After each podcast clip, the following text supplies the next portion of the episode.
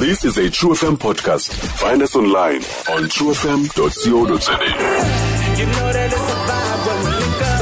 I got the crib, girls and some liquor. Always been about the soul like a Rita.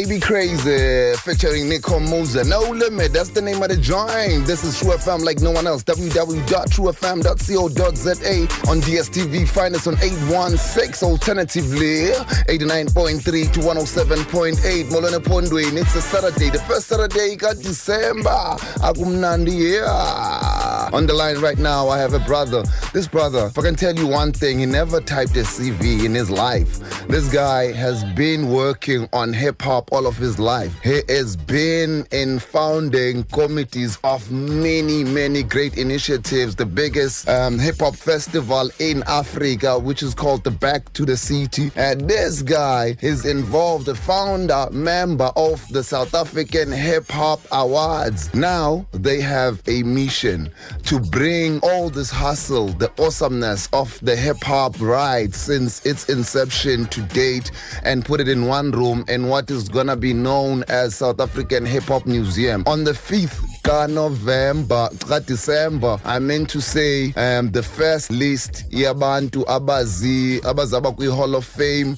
baye babekwa khona. Let's welcome Osmic. Hey yo Oz. Yo, what up, what up, what up, what up, what the deal? Yeah, I'm good, big boss. What's happening? Nah, man, I'm out here, man, I'm out here. Um, you know, Uh-huh. trying to tr- trying to keep the lights on, trying to preserve culture, Uh-huh. trying to make sure that everything makes sense for future generations, brother. Uh-huh. That's that's what's happening. Why is hip hop important to you and the preservation of its culture, boy? Yeah, um, I think for me the importance of, of, of the culture is um, it's, it's to prove and showcase and show that this thing actually does save lives. Um, this thing is actually an important component of, of I think history.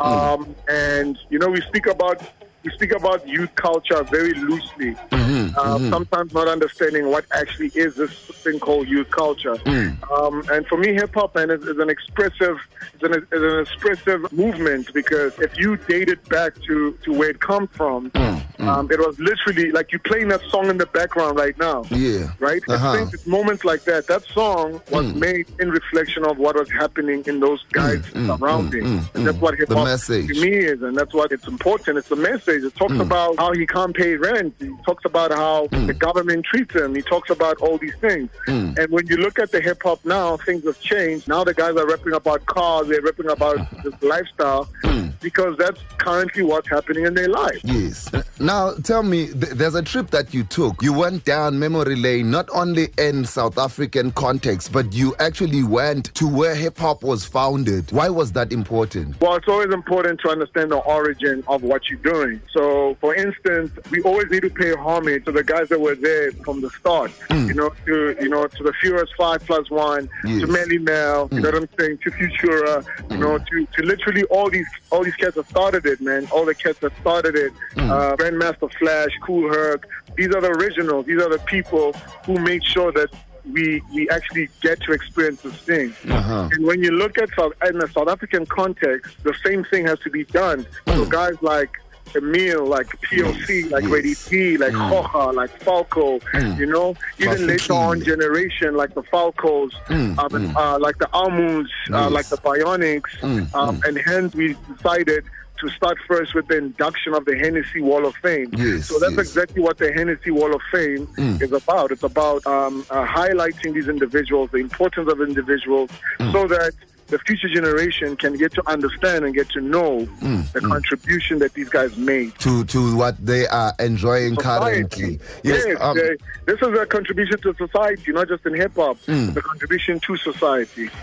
How was the call? I remember, I think it was a year or two back when you called out if anyone has flyers from back in the days uh, of the activities, hip hop related activities from where they come from. How was the response from the hip hop community? Well, it wasn't it wasn't that great because you must understand, um, and and I don't blame anyone because it's a youth thing. It's never been done. You must remember we do not have such a museum in the country. Yes. So I think a lot of people also didn't really understand Mm, um, mm. what actually we're talking about when we keep saying we're building a hip hop museum. I mean, it mm. took us. We've been in construction for the last two years, and this was the first phase um, that we re- that we've just sort of released to the public, which is the Hennessy Wall of Fame. There's still a recording studio that's been built. There's still an edit suite that's been built. You know, there's still the whole journey about where hip hop comes from, from Cape Town, how it got to Joburg, how it got to Durban, how it got to the Eastern Cape, you know, um, and all these things. So there's still that coming, you know. Okay, okay. Um, so yeah. So are we are we gonna be seeing documentaries soon? Because you guys, the the, the whole team has been teasing um, with um, visuals. Yes, I mean visuals are key because visuals um, and, and, and imagery is, is a way to sort of freeze history. It's the, that's the way of how you capture something and actually let someone in the future get to understand what had happened in the past. You know, mm-hmm. so that's definitely sort of our take. But I think also what what's exciting about it is how we're going on about it because the, the idea needs to be very appealing. It needs to be appealing hmm, to, hmm. to future generations, and we need to also present it in the coolest way. That's why we're going to be doing holograms. Okay. Um, you know, Dope, there's a oh. lot of touch screen technology. Hmm. So there's a lot of like cutting edge thinking when it comes to the museum, and the people that were there that saw the unveiling will get to understand how it's all designed. Okay, I need to be at the opening, Osmic. I'm in the Eastern Cape. I'm not in Mars. I need to know about these things, my guy. These things are all over the place, brother. These mm, things are mm, all over, mm. and you, you know, you've got direct contact with us. So when the major sort of launch happen, you'll definitely know, and you know there will be like the grand opening of the whole space, you know. Dope, dope, Um, dope. And of course, we're going to be calling people like you for, for you to, to assist in telling the story of what happened in, in the Eastern Cape, you know. Mm, uh, no, thank you very much. All I can say, man, all the best. The Ritual Media Group is definitely changing, you know, the game and ensuring that hip hop is being entrenched in South Africa. All the best, brothers. Peace, love, and respect, man. Word is born. Stream True FM online on truefm.co.za. sikho yonke indawo ngalo lonke ixesha like no one else